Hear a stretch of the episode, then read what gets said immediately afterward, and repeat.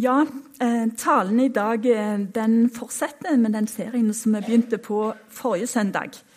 Eh, og det går over tre søndager. Dette temaet 'Når livet er vanskelig'. Og I dag har vi båret fram lille Frida til velsignelse. Og vi har tillit til Gud, at hun er skapt og hun er elska av Han. Og vi har bedt om at Han skal holde sin gode hånd over henne. Eh, og da tenker jeg litt på en sang som Åge Aleksandersen synger, som sikkert de fleste kjenner til. Eh, for han har skrevet en sang til sitt barnebarn, som en voksen, erfaren mann og bestefar. Og Der synger han om eh, sola som gikk ned i vest. Den skal stå opp igjen, og den skal skinne for deg, min kjære. Og det skal bli mye lys og mye varme. Og så legger han til mange tårer, tunge stunder, er jeg redd for at det blir. Og jeg tror ikke han ønska å gjøre sitt barnebarn mismodig før hun hadde starta på livet. Men jeg tror heller han ville forberede henne på livet. Og det er ofte litt bedre når vi er forberedt, enn når vi blir fullstendig overrumpla av ting. Og da vet vi ikke hvordan vi skal forholde oss til det. Og Bibelen den snakker mye om sannhet. Jesus sier om seg sjøl at 'jeg er veien og sannheten og livet'. Og I Salme 51 står det at eh, 'du gleder deg over sannhet, Gud'. Og Et av Guds bud til oss mennesker det er jo faktisk 'du skal ikke lyve'. Og så er det kanskje få ting vi lyver mer om enn når folk spør 'hvordan har du det'? Jo takk, bare bra. Og jeg må si meg sjøl inkludert. Jeg har ofte sagt 'jo takk, bare bra', når det slett ikke er bra. Og um, Det betyr ikke at vi trenger å utlevere alt til alle og enhver. Men jeg tror vi kunne vært ærlige langt oftere enn vi er. Og jeg tror at når vi står i starten av livet, som lille Frida og når hun vokser til og begynner å forstå saker og ting, så er det vel ingen av oss som i den uh, fasen tenkte på at det skulle skje så mye vondt i livet. Uh, altså Ingen av oss legger inn i, i, livets kalender at det skal skje vanskelige ting. Uh, vi tenker heller at vi skal vokse opp, de skal gå på skole, få venner. En skal ta en utdannelse som de har lyst til noe som de interesserer seg for. De skal få kjæreste, få eget hjem, skal stifte familie, få barn. Ja, i det hele tatt mye kjekt som livet kan by på. Uh, og når jeg sier at det er ingen av oss som egentlig kalkulerer med uh, at det skal være, skje vonde ting i livet, at vi skal møte smerte, så er det faktisk noen som er et unntak. Uh, for det er faktisk noen i vårt velstandssamfunn, der vi har det egentlig ganske bekvemt, som søker lidelse. De kan f.eks. Eh, melde seg på et maraton under ekstreme forhold. det fins rundt i verden maratonløp der de ikke bare springer denne avstanden som et maraton er, og det sliter det medfører. Men de oppsøker et maraton i en ørken der de gjerne eh, springer under 40-50 varmegrader og steikende sol. Og De har trent i lange tider til dette. her. Og når løpet er over, så er egentlig formen dårligere enn den var på forhånd. For de har omtrent slitt kroppen fullstendig ut. Og Noen de melder seg på en sånn TV-serie og blir transportert til ei øde øy og holder på å sulte i hjel i mange uker. Hvorfor gjør de det når vi har mat nok i Norge? Og De sier at det er for å teste ut seg sjøl. Teste ut sine egne grenser. Hvor mye ikke bare kroppen tåler, men hvor mye òg psyken tåler. Hvor store påkjenninger tåler de? Hvordan vil de reagere da? Og Etterpå så sier de gjerne at ja, jeg føler jeg er blitt et sterkere menneske. Jeg setter mer pris på det jeg har. Og jeg kjenner at, um, At min syke har blitt tøyd, og jeg vet at jeg tålte mer enn det jeg trodde. Jeg er til og med blitt et bedre menneske, kan de si. Så det er ganske interessant. Men de fleste av oss liker å holde oss under litt mer trygge forhold. Så når problemene kommer, så um, blir vi faktisk ganske overraska. Og vi kan bli svært skuffa, for dette hadde jeg jo ikke regnet med. Det var jo ikke sånn livet skulle være. Og hvor har vi det ifra? Um, Bibelen forteller faktisk om ganske mange mennesker som, uh, som lider nederlag og gjennomgår store vanskeligheter. Og det er masse, mange personer som jeg kunne ramst opp. Og jeg tenker egentlig at det er med å gjøre Bibelen enda mer troverdig. For hvis den var ei bok som bare var dikta opp, en lære som noen hadde lagd, så hadde den kanskje snakket om gode og positive ting. Men Bibelen den gir et ekte bilde av mennesker og av livet. Den tør faktisk uh, å ha styrke nok til å framstille mennesker sånn som vi er, og sånn som livet virkelig er. Den har ikke behov for å framstilles med et glansbilde. Og Nå må jeg jo bare understreke det allerede nå i talen, at jeg tror ikke at Gud ønsker at vi skal ha det vondt. At han liksom tømmer lidelse utover eh, livet vårt fordi han, han vil vi skal ha det sånn. Eh, jeg tror at Gud er kjærlighet. Men så tror jeg òg at etter at synden kom inn i verden, så var det veldig mye elendighet som fulgte i kjølvannet av den. Og så lenge verden består, så, så vil det være kamp mellom gode og onde krefter. Og det er først når Jesus kommer igjen og oppretter sitt eh, nye rike, at vi ser at alt er fullkomment, og at det er tilbake til den parastis-tilstanden som han egentlig skapte jorda til. Men når jeg da leser om disse menneskene i Bibelen som hadde det vanskelig, så kjenner jeg at det kan være litt trøst. For da vet jeg at jeg er faktisk ikke alene om å ha hatt det vanskelig. Og I Salmenes bok eh, så leser vi eh, om eh, mennesker som går gjennom utrolig mye følelser.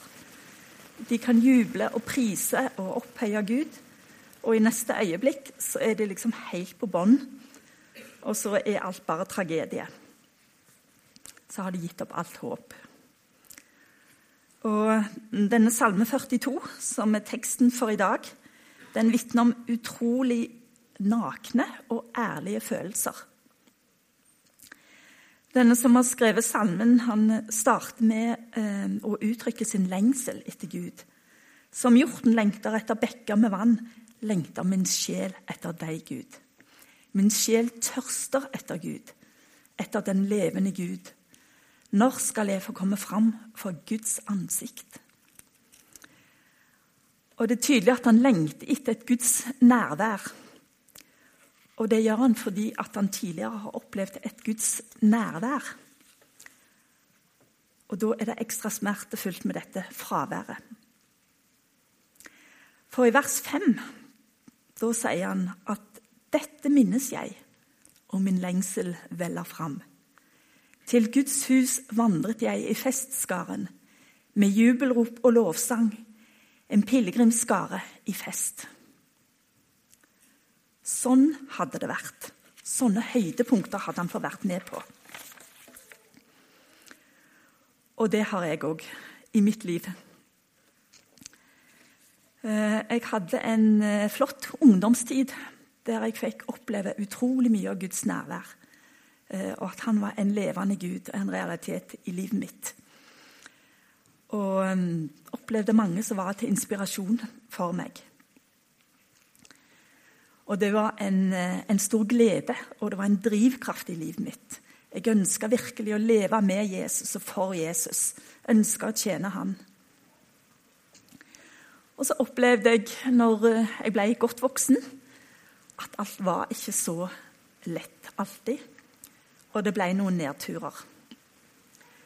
Og eh, rundt år 2000, eller litt før det, så opplevde jeg en skikkelig nedtur. Da hadde jeg vært med en del i menighetsarbeid og engasjert meg i forskjellige ting.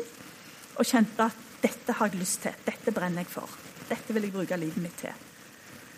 Og så kjente jeg meg stadig mer og mer sliten. Og det er ofte sånn vi sier at jeg er sliten. Eh, for da høres det ut som vi har jobba hardt, og da eh, er det naturlig å bli sliten. Eh, sannheten var vel, når jeg tenkte meg om, at jeg var deprimert. Og da kjente jeg at jeg var der som denne her salmeforfatteren var. Der han sier litt lenger nede Hvorfor må jeg gå og sørge mens fienden plager meg? Og fiendens hån går gjennom marg og bein, og hele dagen sier de, Hvor er nå din Gud? For det kjentes ut som eh, jeg var så sliten, jeg var så eh, deprimert, det var mørkt, at jeg kjente ikke engang Guds nærvær i livet mitt. Og jeg syns det var ganske ydmykende eh, at andre skulle se at nå fikk hun det ikke til så godt lenger. Nå fungerer det ikke det som har fungert alltid. Og Jesus ble faktisk òg møtt av eh, forakt når han hang på korset. De menneskene som sto rundt, og den ene røveren sa andre har han frelst, men seg sjøl kan han ikke frelse.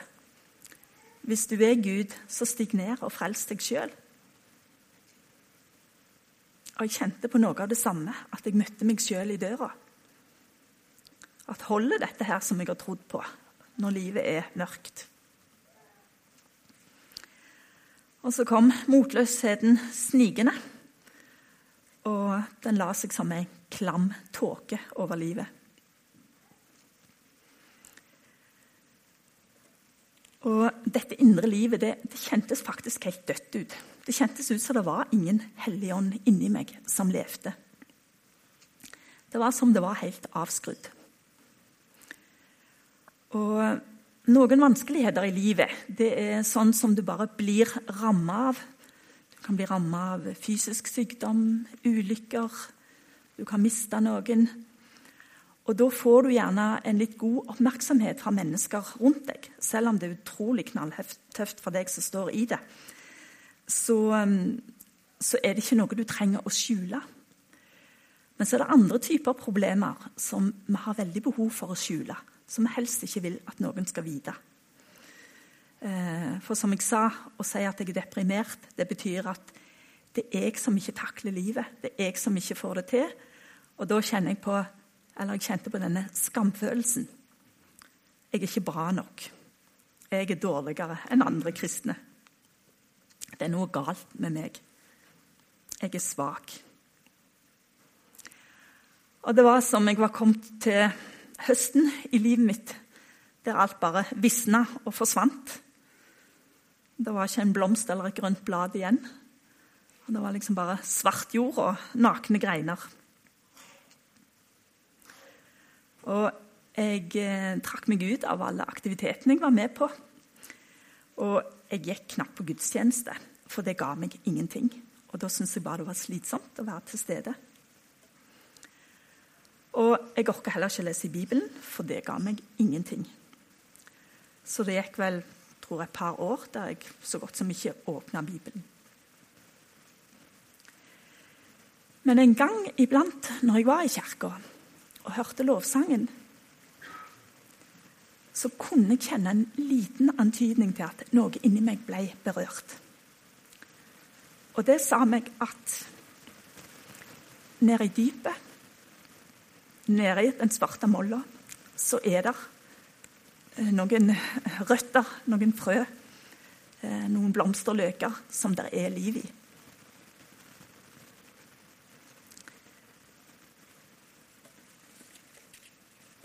Og det var et hint fra Gud om at 'jeg har ikke glemt deg'. Og at det er forskjell på at livet går i dvale, og det at det er fullstendig dødt. Og Det betyr òg at når våren en gang kommer, så vil dette begynne å spire og bli vekka til live igjen. Men noen ganger så kan vinteren være utrolig lang og kald. Og jorda kan være bånnfrøsen langt nedi. Andre ganger er det ikke så kaldt, og våren kommer tidlig. Og det vet vi aldri. Verken ute i naturen eller i livet. Og det er faktisk det ydmykende med å være i en sånn situasjon. At når jeg var midt oppi det, så ante jeg ikke hvor lenge vil dette vare? Eller vil det i det hele tatt ta slutt? Kanskje jeg bare er sånn, som er svak, og som aldri kommer lenger. At dette er min skjebne i livet. Og jeg kunne ønske noen ganger at jeg kunne bladd til siste side i boka for å se hvordan det gikk. For Hvis jeg bare visste at det gikk bra til slutt, så var det jo så mye lettere å holde ut. Men en sånn garanti får vi aldri. Og så kan du si hva var det som gjorde livet så vanskelig, da?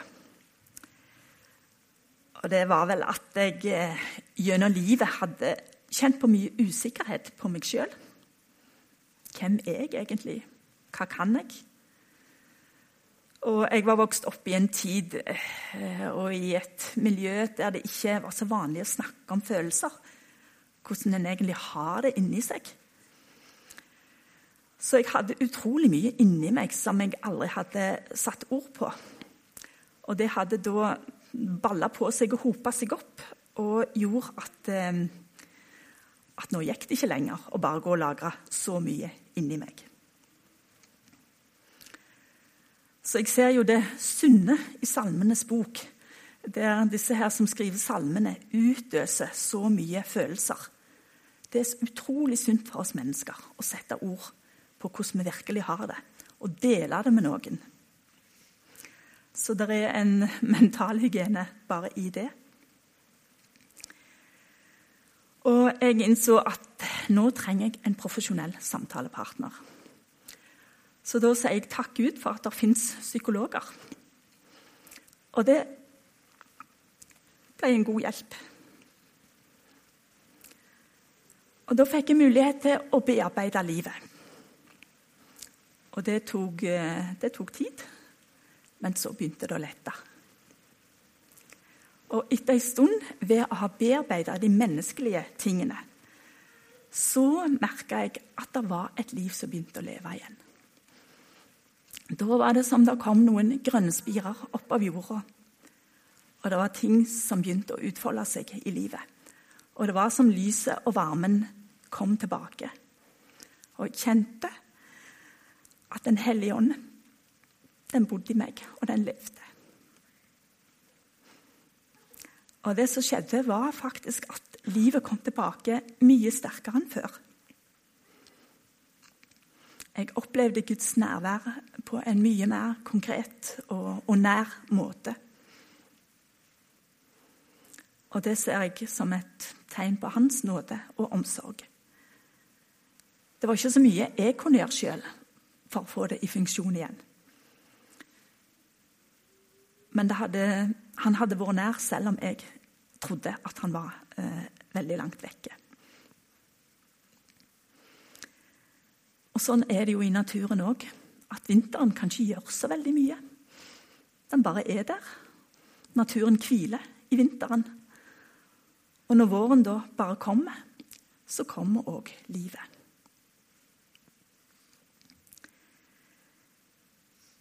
Og så kan en spørre seg hva er det egentlig som skjer når vi går gjennom sånne vanskelige ting.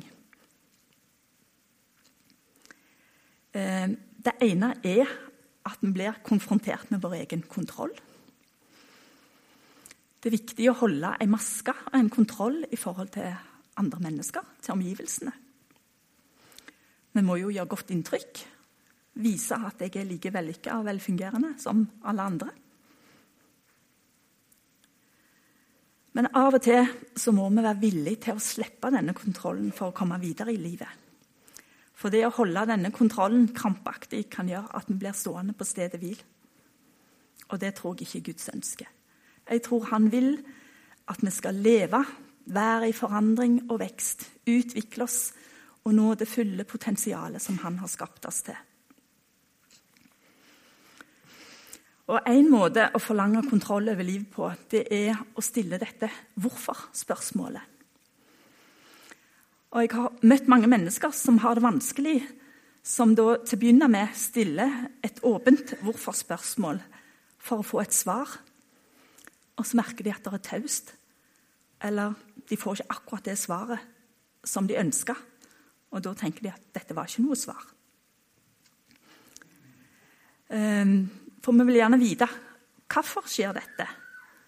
Hvor lang tid skal det ta? Og hvor vondt kommer det til å gjøre? Men for hver gang eh, mennesket stiller dette spørsmålet 'hvorfor', så er det ikke et spørsmålstegn etter, men det er et utropstegn. Og det blir mer og mer en anklage mot Gud og mot livet.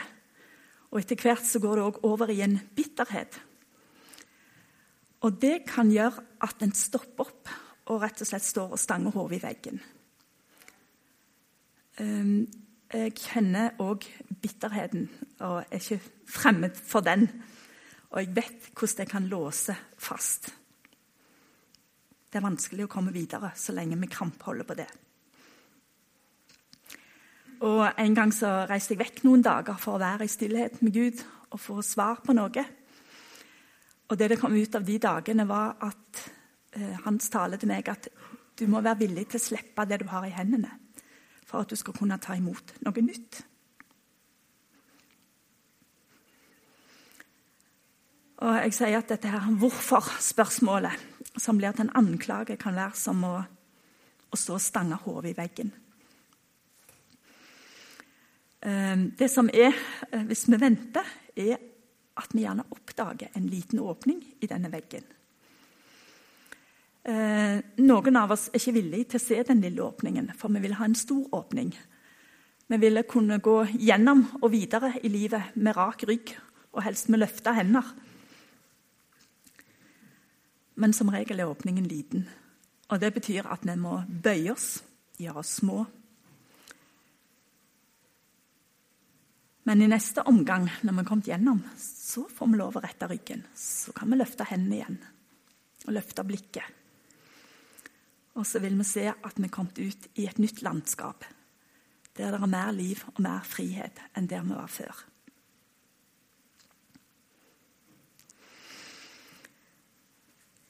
Og det som gjerne kommer ut av en sånn fase i livet, er at en iallfall kan, forstå andre som har det vanskelig. At jeg trenger ikke se ned på andre som sliter med livet, som dårlige mennesker.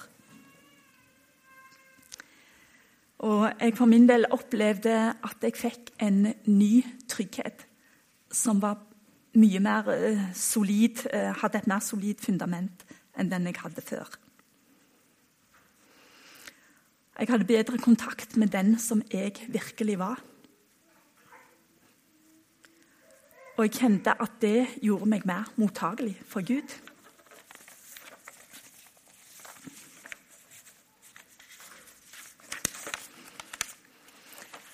Og etter hvert så, um, så, var det naturlig å engasjere meg mer i menighetsarbeid igjen.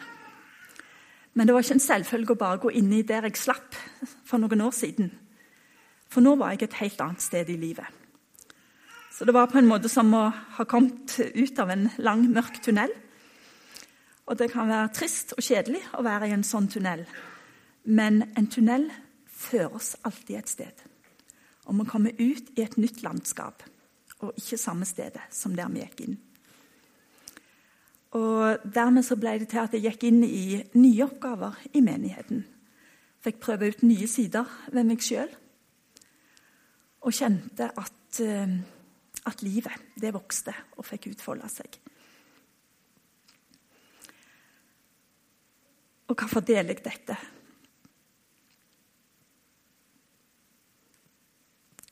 Jeg har en veldig tro på at når noen deler noe, så kan det vekke gjenklang hos noen andre. Eh, at noen kan kjenne seg igjen. At det kan tenne et håp. Og jeg har veldig tro på det å støtte og hjelpe hverandre. Så hvis vi ikke alltid sier 'jo takk, bare bra', men sier hvordan det er, så kan vi bli møtt av omsorg. Vi kan oppleve at det er folk rundt oss som støtter oss i bønn når vi ikke orker å be sjøl. Og min erfaring er eh, at det òg er skatter i mørket, som det står i Jesaja 45. I Jesaja 45, vers 3, der står det Jeg gir deg skatter som er skjult i mørket, og rikdommer som er gjemt på, på hemmelige steder, for at du skal kjenne at jeg er Herren, som kaller deg ved navn, Israels Gud.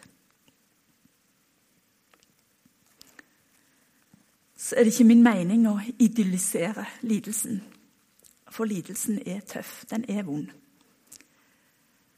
Men hvis vi klarer å bevare en viss åpenhet innenfor Gud, så ønsker han å være med oss gjennom det. Og han ønsker å gjøre det til noe godt i livet.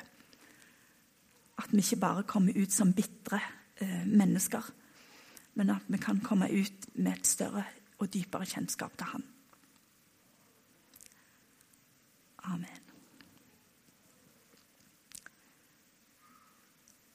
Jesus Kristus, jeg takker deg for din trofasthet, som vi sang om her før talen. At du er der selv når vi ikke tror at du er der. At du er ei hånd å holde i. Og at du går med oss hver eneste dag gjennom livet, gjennom medgang og motgang. Gjennom alle slags dager. Og jeg ber om at du skal tenne håp i noen hjerter her i dag at det som så mørkt og håpløst ut, skal bli vendt til en glede. Skal bli vendt til en ny framgang i livet. En ny tillit til deg. Amen.